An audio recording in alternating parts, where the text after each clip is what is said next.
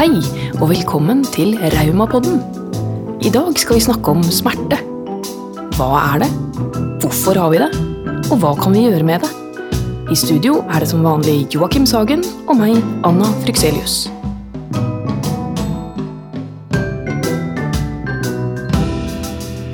Yes! Nå er det Raumapod.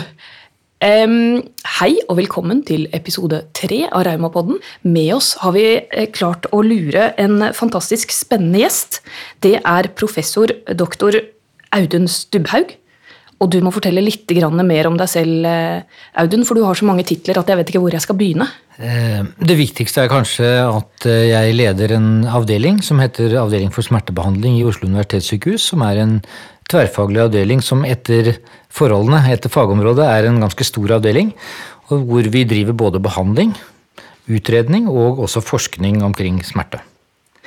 Og så er du eh, nå nyvalgt leder i Smerteforeningen, er det det det heter?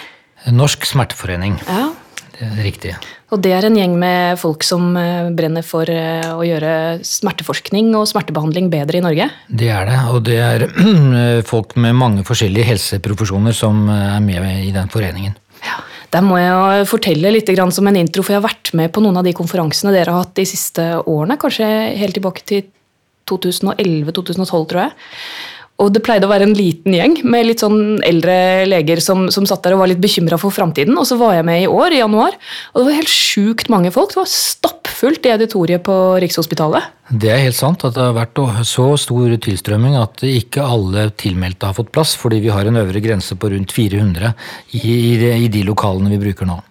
Det er så kult, for det viser litt hvor mye som skjer på smerteforskningsfeltet, og så interessen for å bedre behandlingstilbudet. Yes. Ja, og, og det som er fint med den konferansen, er at det går mange parallelle ting også, slik at det skal være noe for enhver smak. Ja. Så kult. Nei, vi har masse å snakke om her i dag også. Joakim, eh, hva, var din liksom, innfallsvinkel på smerte? Nei, først og fremst så lurer jeg på hva som er forskjellen på å behandle eh, sykdommen eh, kontra smerten. Jeg trodde ordinær behandling også var smertehåndtering. Eh, kan du si noe om det? Ja, det er jo delvis sant at hvis du kan eh, behandle grunnlegg en grunnleggende sykdom og helbrede den, så håper du jo at eh, symptomene og plagene skal bli borte. Men det er jo ikke alltid helt slik. Det går an f.eks. Eh, hvis vi snakker om en revmatisk sykdom, da, å få god eh, behandling av grunnsykdommer, slik at den stopper opp. Men det er ikke sikkert at alle symptomene eller plagene blir borte av den grunn. Så man Aha. kan fortsatt ha smerte. Og da er vi inne på den som vi snakket om. Hva er smerte? Ja, for at du spurte hva, hva min erfaring med smerte er, og det er egentlig eh, å tolerere smerte og venne seg til smerte og eh, lære seg å leve med smerte. Og, ut, eh, være litt utholdende i forhold til smerte. Eh, men eh, går jo på, går jo på smertemedisiner, da, eller sånn smertebetennelsesdempende. fordi at vi vet at mine smerter skyldes betennelse. Eh, Det var mer utfordrende når det var artrose, for da er det et ødelagt ledd, eh, og det var ikke så mange behandlingsmuligheter. Eh, Det er, var operasjon, og det vil man gjerne ikke gjøre i ung alder. da. Så da var det å tolerere smerte lengst mulig. Utsette tiden til operasjon. Ja. Ja.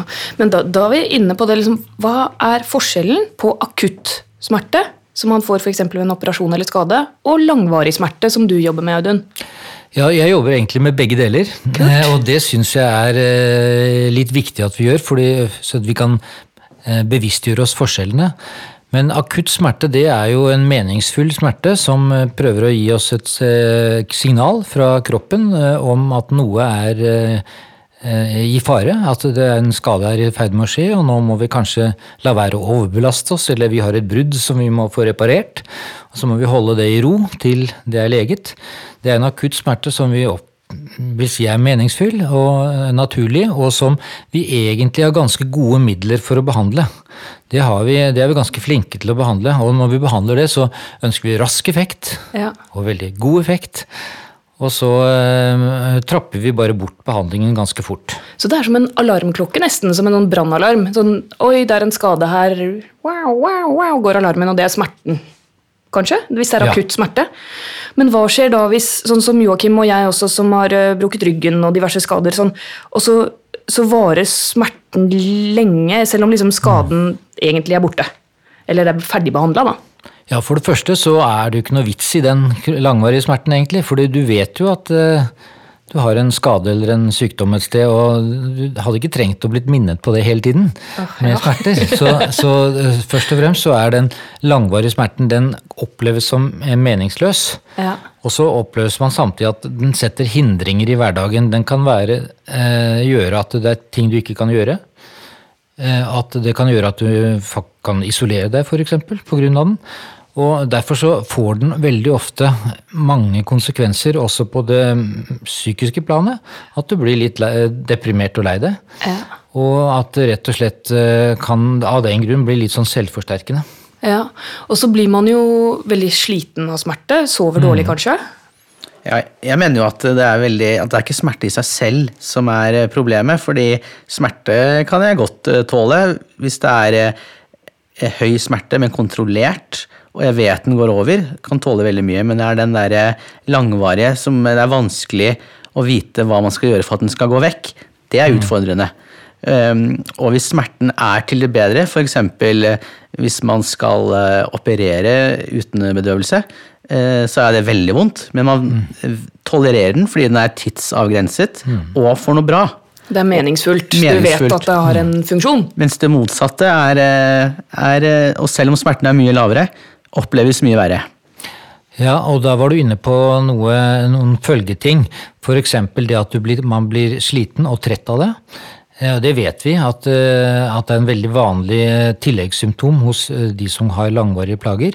Eh, Og det andre du ikke nevnte, men det er at veldig mange de sier at det som er problemet for meg, og grunnen til at jeg med min sykdom ikke greier så godt jobben slik som før, det er at jeg fungerer ikke så bra i, i hodet. Ah, Jeg blir konsentrasjonsvansker. litt konsentrasjonsvansker. Mm. Ja. Jeg får litt konsentrasjonsvansker. Ja. Jeg greier ikke eh, å konsentrere meg om å lese sammenhengene så lenge om gangen. Eh, Og det kaller vi da med fremmedord kognitiv funksjon. Og det ser vi at eh, affiserer mange med helt forskjellige årsaker til langvarig smerte. At det er et kjennetegn for, eh, for ganske mange. Så liksom uansett årsak, og om det er migrene eller kne eller fantomsmerter i, etter amputasjoner og sånn, så, så er det mange virkninger av den smerten er det samme. Og det betyr ikke at ikke vi kan forsøke å gjøre noe med det, hvordan det oppleves, men eh, vi, jeg tror kanskje vi kan forklare det sånn at, at vi greier ikke å ha konsentrasjon om mange, veldig mange ting samtidig. Og hvis smerten tar veldig mye av plassen for, i, i tankene våre, og noe vi må forholde oss til hele tiden, så er det litt mindre plass til eh, andre ting. Og der, men der kan da gode teknikker og råd eh, hjelpe til å eh, takle det bedre. Da må man gjøre noe veldig gøy, da, veldig spennende, sånn at man tar fokus vekk fra smertene. Ja, og det er det helt sikkert Det veldig mange som har opplevd, sånn som meg òg, at eh, som jeg har f.eks. øresus. Ja. Og det eh, i lange perioder så merker jeg jo ikke det i det hele tatt. Eh, men hvis ting er litt vanskelig, så kan det hende det, det er veldig, kommer veldig tydelig frem. Da får det mer plass. Ikke sant? Det får mer plass. Jeg må fortelle litt grann, eh, sånn smerteerfaring. jeg. For eh, eh, det var så rart da jeg ble kronisk smertepasient en eller annen gang på 90-tallet. Først med leddgikten, og så brakk jeg ryggen. Eh, da var det jo sånn spis medisiner og ligg stille. Eh, du, må, du må være forsiktig og ta det med ro osv. Så, videre. Eh, så var det først, faktisk, da jeg var eh, på en liten gåtur til Santiago de Compostela, så møtte jeg en smertelege. Var, han var litt utbrent, og jeg var litt utbrent. Og så ble vi gående sammen og så snakke om hva er smerte. Han var anestesilege. Og han, eh, han lærte meg bl.a. det her at eh, ja, men langvarig smerte det er ikke farlig. Det er ikke farlig lenger, for jeg, jeg gikk og var så redd. Jeg hadde jo skada ryggen, det var jo farlig, og så gikk jeg liksom hver gang det gjorde vondt, så ble jeg så redd og usikker. Og det var sånn skikkelig grensesprengende for meg, eh, det der. Jeg vet ikke, har, har det noe med hverandre å gjøre, altså smerten vi opplever den i hjernen, ikke sant? Det er der smerten egentlig bor. Det er det. Vi, hvis vi skal lage en definisjon, så er jo smerte det er en ubehagelig emosjonell og sanse- eller sensorisk eh, opplevelse i hjernen. I hjernen. Så det er noe som skjer i hjernen. Det skjer ikke der jeg, i ryggen der jeg har vondt, liksom? Nei. Det, nei. det er litt rart. ja. Nerve mm, Selve nervebanen er det vel egentlig, da, som det handler om. Nervebanen som går fra ryggen til hjernen, eller? Ja, ja, det vil det helt typisk være når det er en skade. Så er det mm, slik at eh, nerver der hvor skaden er, blir stimulert og sender signaler som når opp til hjernen. Og så oppleves det som smerte. Og så kan det skje veldig mange ting med oss som gjør at vi opplever den smerten som sterk eller svak. Og du var inne på det med øh, øh, den turen til Compostela, hvor du hadde lært det at eh, eh, hvis den ikke var farlig, så at det var viktig å lære det. Og da er det sånn at hvis du tror den er farlig, da vil du kanskje kjenne den litt sterkere enn om du tror at eh, den er ufarlig. Så det å få avklart om eh, det du plages med, er noe som det er grunn til å være redd for, eller om det er noe du bare kan overse, det er jo veldig viktig. Ja, og det er kanskje mye av hensikten med den første behandlingen man har også, da. Er det, men de som kommer til dere på smerteklinikken, for du er jo en av de eh, fantastiske folka som jobber på en tverrfaglig smerteklinikk. Det er dessverre ikke så mange pasienter som, som har tilgang til tverrfaglige smerteklinikker. Men, og de som kommer til dere, de har vel hatt smerte ganske lenge, eller? Eh, Ja, det er begge deler, for vi skal jo eh, ta inn eh, de som har størst behov, og som har størst effekt av det vi driver med. Eh, Og, da vil det være noen som har fersk smerte, og noen som har eh, langvarig smerte. Og gjennomsnittet hos oss er faktisk åtte år med plager. Åtte år med smerter, så da kanskje man får lov å komme og få tverrfaglig smertebehandling. Er det diffuse plager, det, da, stort sett? Nei, som jeg sa, det er jo noen som har, eh, som har ganske akutte ting. fordi hvis det er slik at eh, det er akutte tilstander hvor vi tror at vi kan eh, ha betydning for hvordan det går videre, så skal vi jo også prioritere det. Og det kan være etter skader. Så kan det være pasienter som trenger, trenger oppfølging for at ikke skaden skal, det, bli langvarig, da. Ja, så bra, for at, eh, jeg merker at uh, når jeg har hatt vondt i en ankel, eksempel, så vil jo jeg unngå å tråkke på den, eller kanskje går feil. At så eh, påvirker det resten av kroppen, så det blir følgeskader og vondt andre steder. Fordi det begynte et lite sted. Men eh, istedenfor å lære eh, riktig bevegelsesmønster og bruke det riktig og Ja, det er eh, komplisert, men Ja, det er et veldig godt eh, poeng du hadde der. og Hvis vi skal ta et annet eksempel på det, så kan du ta de som har hatt et hjerneslag. Eh, noen av de kan få smerter av selve slaget. Men det som er kanskje enda mer vanlig, det er at eh, de er litt hemmet i bevegelsene sine etter hjerneslaget. Og så får de uhensiktsmessig bruk av kroppen. Og så blir det det vi kaller sekundære muskelplager. Og, de, eh, og det eh, kan jo lett låse seg og bli, veldig plagsomt og veldig mm, hemmende. Men der er det, kan det være mye hjelp å få for å unngå sånne sekundære ting som i muskel- og feilbelastning-gaten. da. Feilbelastning, Mm. Nå er vi eh, inne på noe som jeg syns er utrolig spennende. For det, vi jobber jo for revmatikere her i Norsk Revmatikerforbund. Og jeg hører så ofte på sånne samlinger med revmatikere er det mange som sier men jeg har så høy smerteterskel, jeg har så mye vondt, så jeg har så høy smerteterskel.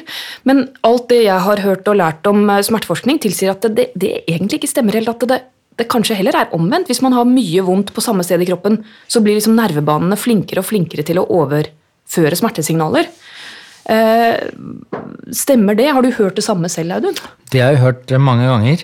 Og vi har jo testet ganske mange mennesker. Vi har testet sånn smertefølsomhet og smerteterskel på kanskje 30 000 mennesker, og hvorav, eh, Bare, bare hvorav 25-30% har langvarige plager, og andre er friske. Og det som eh, du nevner at kanskje en revmatiker opplever, det er at de må tåle veldig mye smerte. At de pga. sin eh, langvarige tilstand har blitt ganske flinke til å tåle og takle å leve med smerte. Men det betyr ikke nødvendigvis at de i et laboratorium vil tåle så mye, eller eh, kjenne smerte mye senere enn en frisk person. Nei. Fordi vi kan godt eh, ta eksempelet med solbrenthet. Ja. At hvis du sovner i solen en vårdag, Etter noen timer så vil eh, du være, ha rød hud, og så vil den minste berøring i huden vil være smertefull. Er da har smertesystemet det har liksom forsterket seg.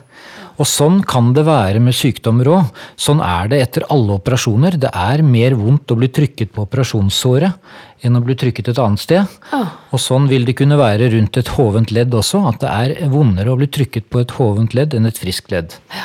Så sånn sett så kan terskelen for å kjenne smerte egentlig være senket, Ja. mens eh, evnen til å tåle smerten uten å gå og klage, Ja. eller ta medisiner, den kan være styrket gjennom erfaring og trening. Ja, for jeg tenker at hvis en funksjonsfrisk eh, hadde plutselig en morgen våknet opp med min kropp, så hadde verden blitt snudd på hodet, og alt hadde vært krise. Da hadde de ropt om hjelp. Eh, Men kanskje det er fordi at man blander smerte og funksjon? Er det at man opplever funksjonstapet som smertefullt i seg selv? Ja eh, og nei. Altså, eh, jeg tror nok det du sier er riktig, at, at eh, mange som har sånne eh, langvarige tilstander, de, de er vant med at man kan våkne opp med en veldig vanskelig kropp. Og så må de takle det på et vis. Mens en som er frisk, ville, ville jo lure på hva i all verden er galt, og de merker det kanskje noe tilsvarende bare de få gangene de har influensa eller noe sånt. Ja. Eh, eh, men, men, det, men du har samtidig rett i at selvfølgelig det som er problemet ved langvarige tilstander, det er funksjonstapet. Og det er det vi egentlig også er mest opptatt av å hjelpe. Det er egentlig ikke smertene vi vil fokusere så mye på.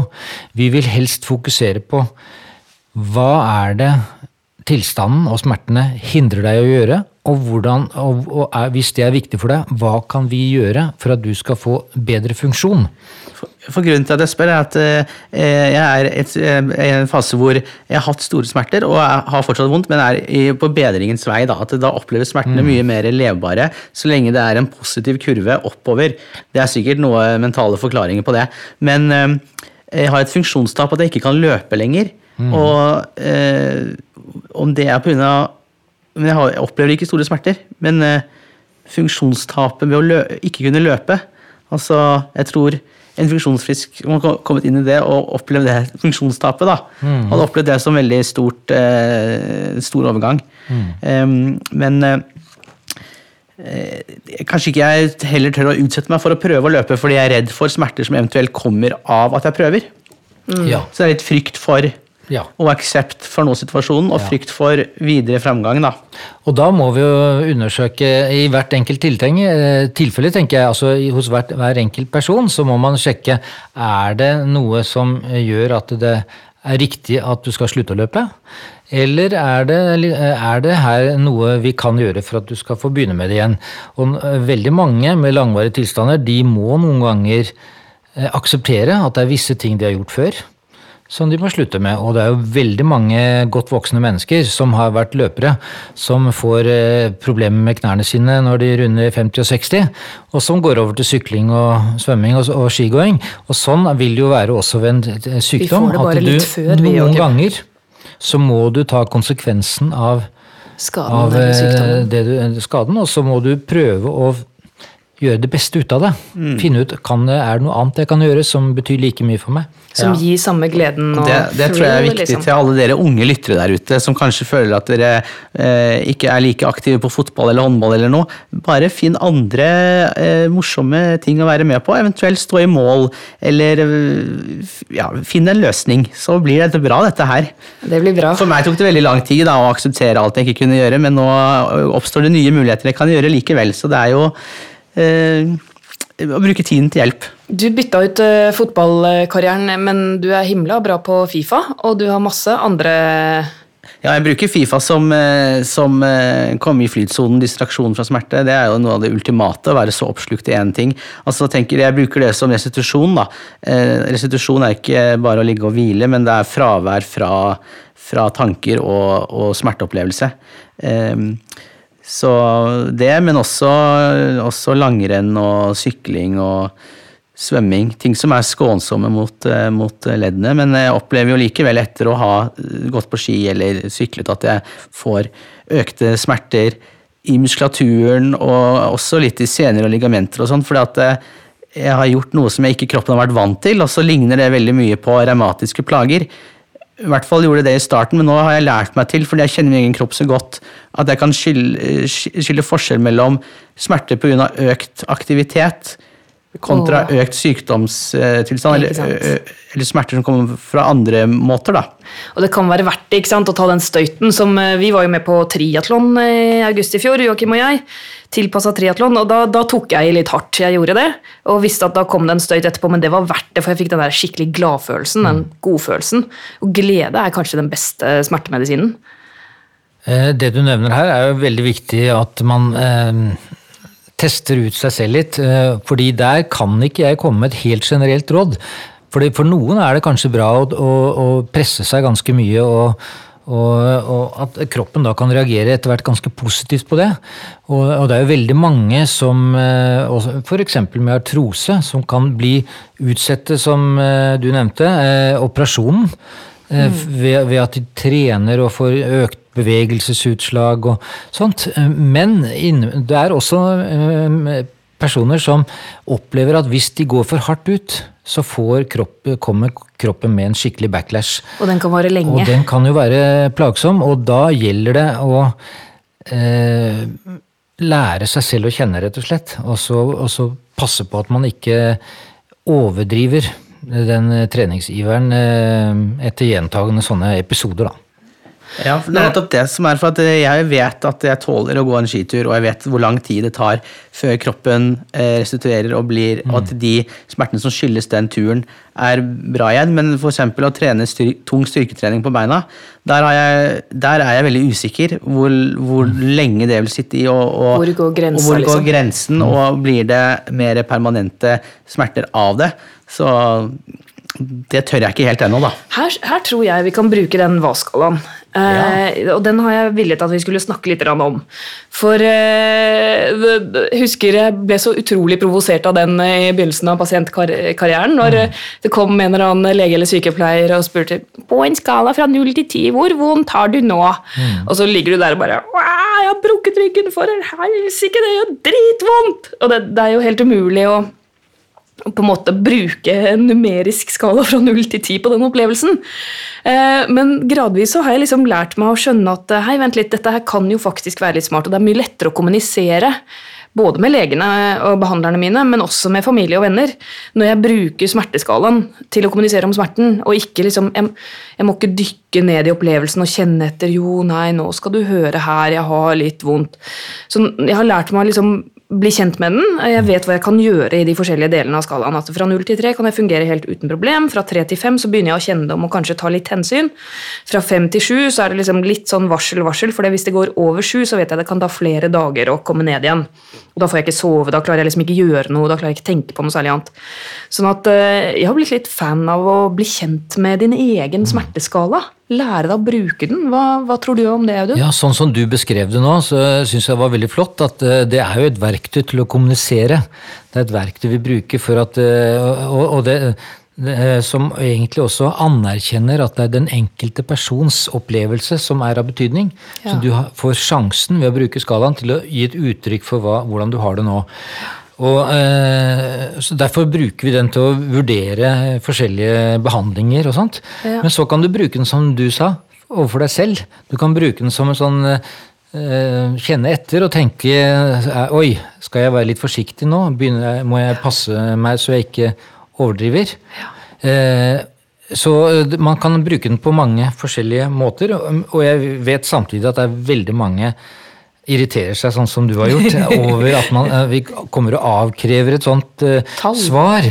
Og, men vi kjenner jo begrensningene egentlig i den. Eh, sånn at eh, jeg kan for, for eksempel fortelle om pasienter jeg har fulgt veldig tett, som jeg kan ringe til en dag. Og så sier eh, denne flotte damen så sier hun at nei, i dag er en forferdelig dag. Jeg hadde tenkt å dra ut og handle. Men i, med en gang jeg satte foten utenfor døren, merket jeg hvordan smertene satte i. Vinden og kulden og alt. Og så måtte jeg bare gå inn og sette meg, og så har jeg ikke fått gjort noen ting. Og så skulle hun score sin smerte da, på kvelden, og så sier hun ja, det er vel en åtte da, på en skala fra null til ti. Og så en annen dag så ringer jeg, og så sier hun at dette har vært en fantastisk dag. At da jeg våknet opp, så følte jeg nesten ingen smerte. Og så har jeg vært ute i hagen i hele dag og hatt det så flott. Og så kommer hun til kvelden, og så skal hun score smerten, og så sier hun ja, det er kanskje sånn åtte. Oi.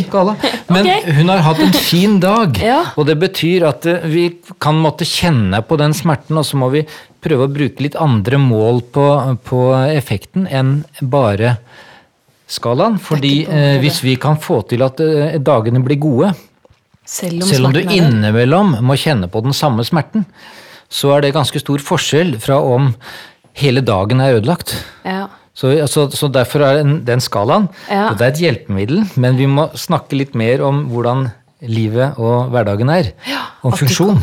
For det er mange faktorer som kan gjøre smerten eh, verre, sånn som stress og eh, problemer, kanskje tankerekker og uorden da, ellers. Katastrofetanker. Liksom Ja. derre 'Å, jeg har så vondt, jeg klarer ingenting, det går aldri Mm. bra'-type. At det gjør smert, selve smerteopplevelsen verre, tenker du? Ja. Og der er det veldig mange ting som henger sammen. For Mm. eksempel så vet vi at hvis man er stresset, så blir det mer sånn betennelsesstoffer som sirkulerer rundt i kroppen. Da blir det mer, da blir nervene litt mer overfølsomme. Hva gjør betennelse med smerteopplevelse og sånn? Eh, Eller den setter eh, en, en, andre celler i en litt mer alarmberedskap. Du kan si at nervesystemet blir litt mer oppskrudd. Ømfintlig. Og det samme er egentlig når det gjelder hvis vi går og er engstelige eller er lei oss for ting, så vil det også påvirke nervesystemet. Sånn at eh, eh, smertene lettere slipper til bevissthet. De får mer plass, på en måte. De Får mer plass. Ja. Det der er, eh, det der er spennende, altså. Ja, for hvis man liksom blir kjent med sin egen smerte, sånn som du åpenbart er, Joakim, og, og eh, kanskje det som er vanskeligst for en som er ny til å leve med smerte, da.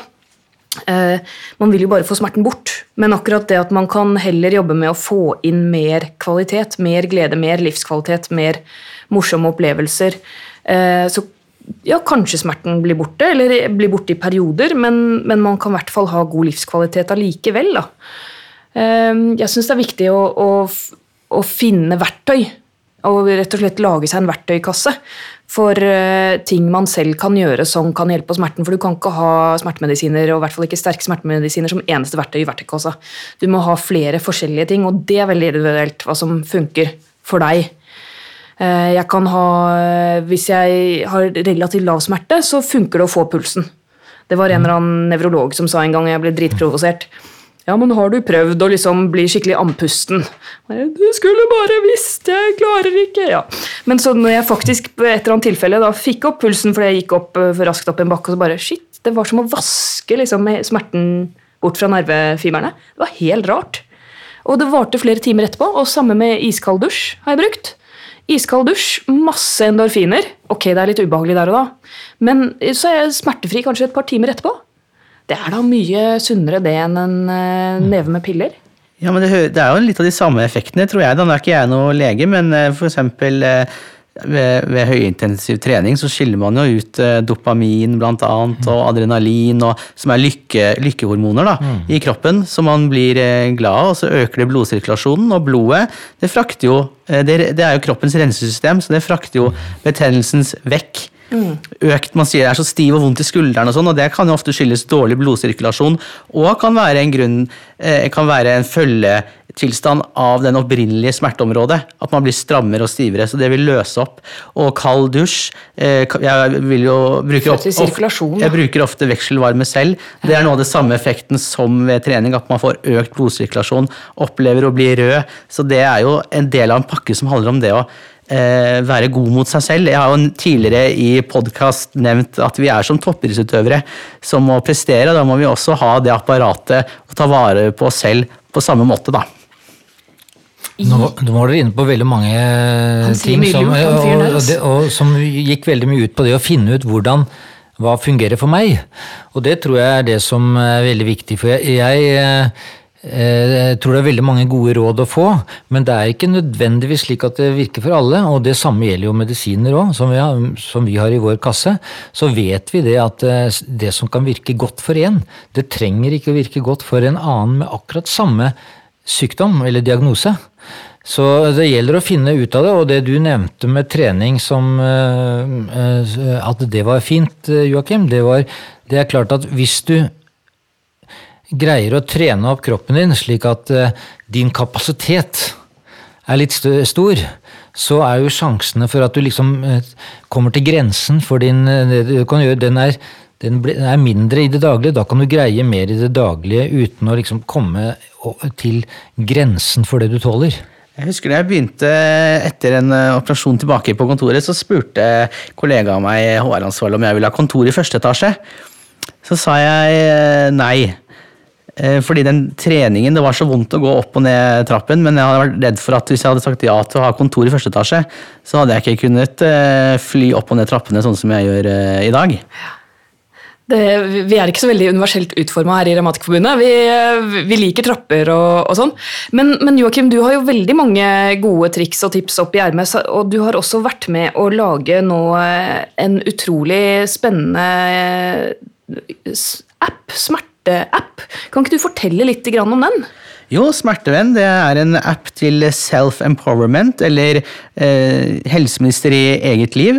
Den, eh, den eh, har denne VAS-skalaen, Visual Analog Scale, som det heter på finspråket. Det høres så kult ja. ut når du sier det på engelsk. Eh, ved 1 til 10, men at du også kan fylle ut notater, da, dagbok, hva som smerten kan tenkes at skyldes. I dag har jeg hatt tung styrketrening på bena smerte i bena, åtte. Ser man de samme mønstre over tid, så vil det bli lettere både for deg selv og også helsepersonell å kunne gi den riktige behandlingen. Skriver man at man ofte glemmer medisinen, så er det jo kanskje et veldig nært, nært tegn. Eh, så her kan man lage en helsereporter på dag, måned og år, og så kan man eh, laste ned i PDF og sende til eh, lege i forkant, da, så også legen kan forberede seg.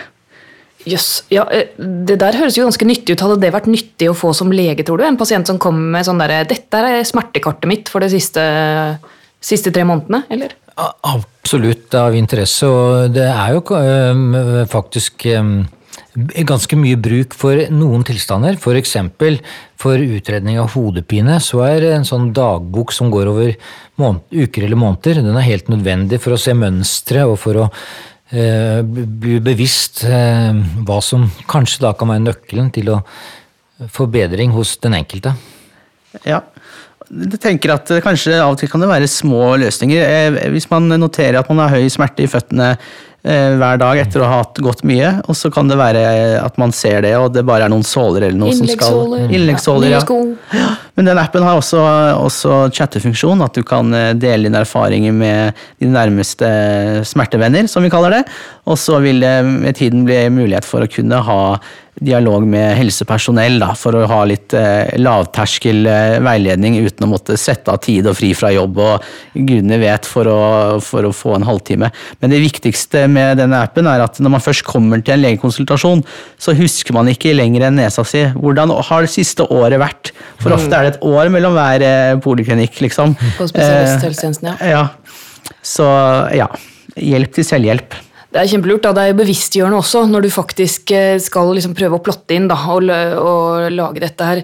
Jeg husker jeg brukte en sånn tidlig versjon av en app. Eh, det var en engelsk en hvor du også tegnet området du hadde vondt i.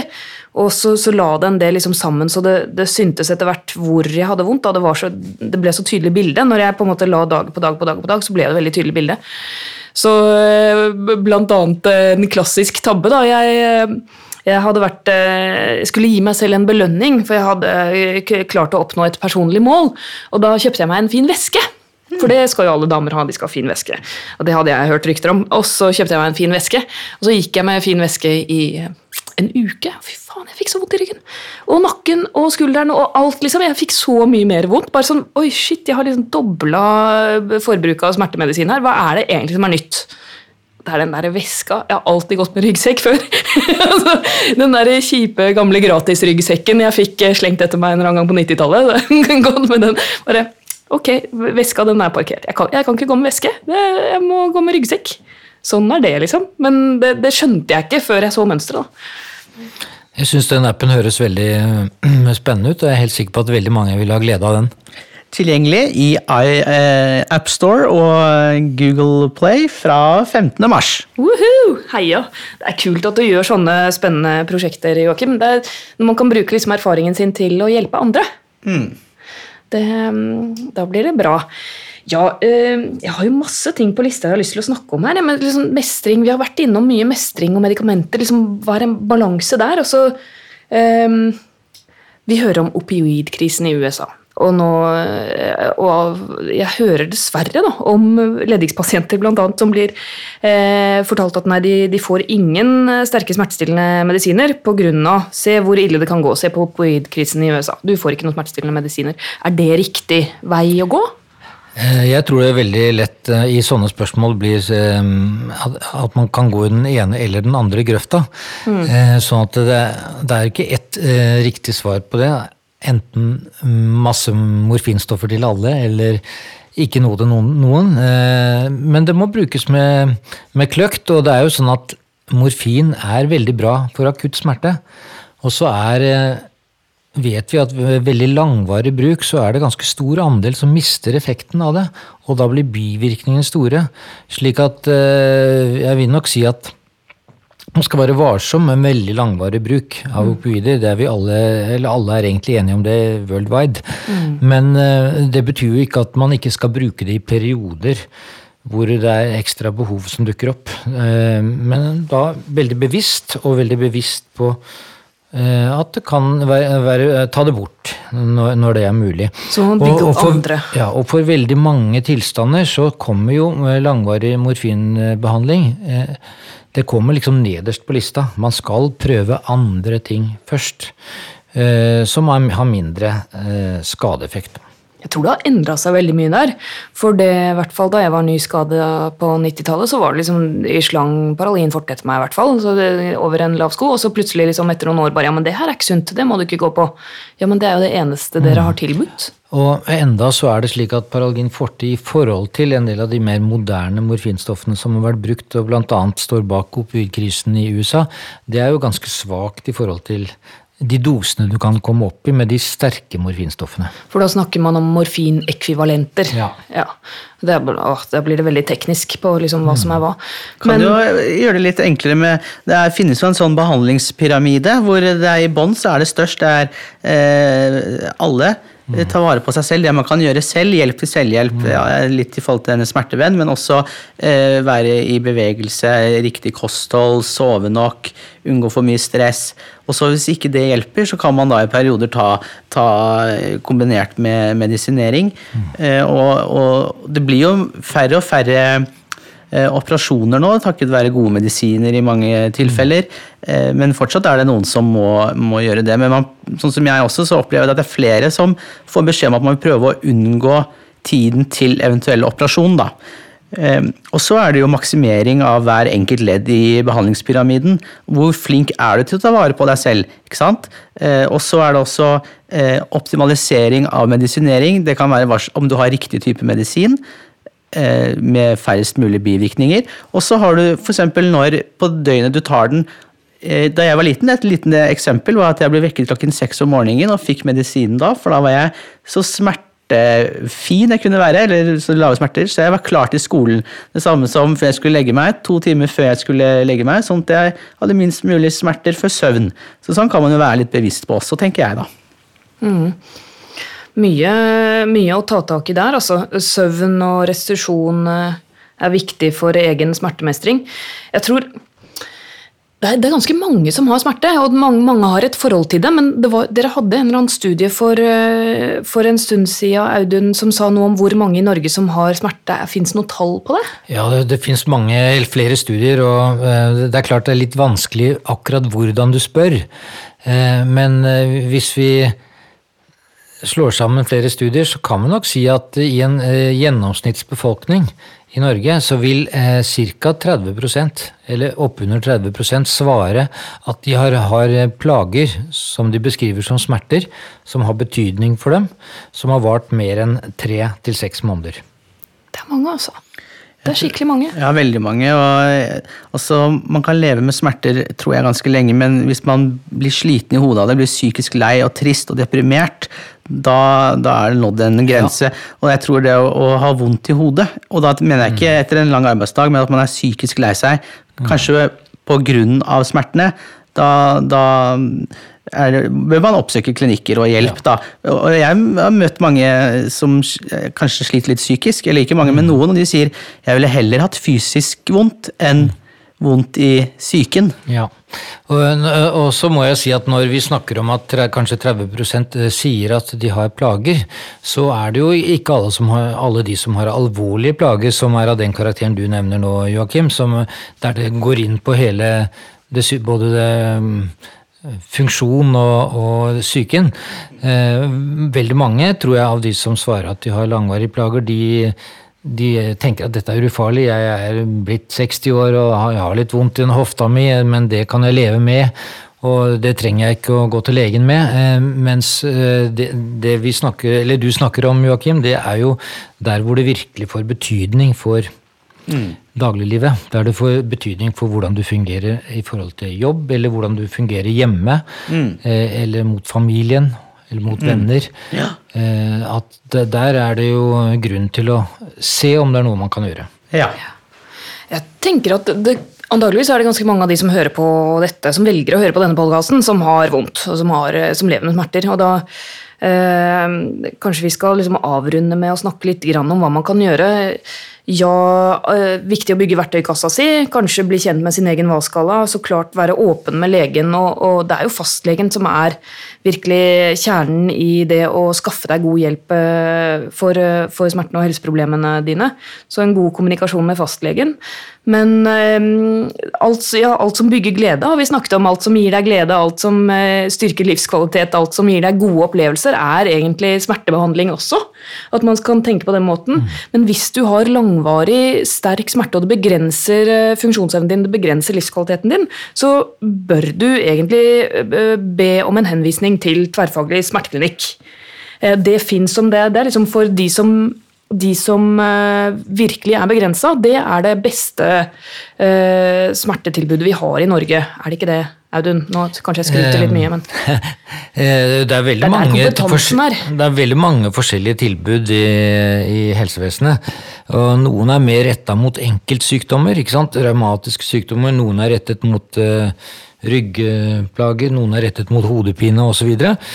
Mens de såkalt tverrfaglige smerteklinikkene de er tenkt å være et tilbud der hvor den vanlige, mer spesialiserte eh, behandlingen ikke fungerer alene. Hvor du må ha en ganske bred tilnærming for å se om det er noe vi kan gjøre. Enten biologisk, altså på det biologiske, mm. Eller på det psykiske, eller, eller, eh, og for så vidt på det sosiale plan. Da.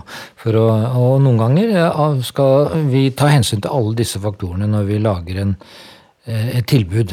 Mm. Og, og, noen av de tilbudene kan være, sånn som dere nevnte, være mer sånn preget av å mestre ting mm. enn akkurat å eh, behandle med medikamenter eller eller um, operasjoner. Men det er der i hvert fall den, den mest spesialiserte kompetansen finnes. Og jeg, jeg er litt sånn overraska over hvor få eh, som uh, vet om det. sånn, at, uh, sånn at Derfor vil jeg nevne det også, for de som virkelig sliter. Men nå, nå vi, vi, kunne sikkert snakket et par timer til, også, men jeg, jeg tror vi faktisk skal runde, runde av nå. Eh, og si tusen takk for at eh, dere har stilt opp denne ettermiddagen og, og sittet og diskutert det spennende temaet smerte er. Eh, takk for at du kom, Audun. Hva, hva forsker du på for tiden? Er det noe spennende det var, du holder på med nå? Vi, vi har, jeg syns det er veldig mange spennende ting hele tiden, så jeg vet ikke om jeg tør å trekke frem noe helt spesielt. Men, men nei, det er vi, har, vi forsker på alt fra hvordan man skal ha drive gruppebehandling, til nye teknikker for å prøve å få hjernen til å reprogrammere seg. Steike! Mm. Reprogrammering. De driver, driver, med masse spennende. Og du har, eh, du har, eh, appen på gang. 15. mars. Yes, absolutt. Jeg tenkte bare skulle si én ting, hvis det er tid til det. Ja. Eh, Det jeg tenkte på er om det blir definert noen tydelig målsetning for behandlingen. Hvis, jeg tenker Man kan bli skuffet hvis målsetningen er å bli helt smertefri, men at det heller må være en måte å få smerten så lav som mulig, selvfølgelig, men at det er hvordan man mestrer smerten. Ja. Eh, Det er faktisk eh, noe vi prøver å få som en mal. At, det, at vi kanskje allerede i første samtale med en ny pasient, at vi prøver å bli enige om hva er det egentlig som skal være målet for behandlingen. Hva er det egentlig som er viktig for deg? Og så er det det vi skal måle etter. Vi skal ikke drive med den eh, hva-skalaen Nå din. skal du bli eh, frisk, eh, og- Anna. Vi ja, skal, det- vi skal, vi, for det, den er bare et hjelpemiddel. Ja. Men det vi eh, kanskje er målet for én person, at eh, eh, de skal tilbake i jobb f.eks., eller at de skal kunne greie å begynne på en skole, ta en utdanning. Eh, og da er det, da er det faktisk eller, eller noen kan si at jeg har for lite sosial omgang. Jeg vil gjerne kunne reise eh, og være med venner en kveld. Ja. Og da, da setter vi opp det som mål. Så flott så at det er funksjon i fokus. Ja, Ja, kult. og mestring og det betyr ikke- jo mye mer. Mm. Ja. klart. Ja, Så hva skal, han, skal man ikke være så opphengt i? Selve smerten skal vi ikke være så opphengt i, men livskvaliteten. Hvordan man har det. Det er bra punktum. Dag har vi snakket om eh, kronisk smerte i Raumapodden, og vi har hatt besøk av eh, doktor Audun Stubhaug, som kan masse om dette her. Synes du at podden vår er bra å høre på? Det er fordi vår kompis i Podmaster har fiksa lyden. Tusen takk.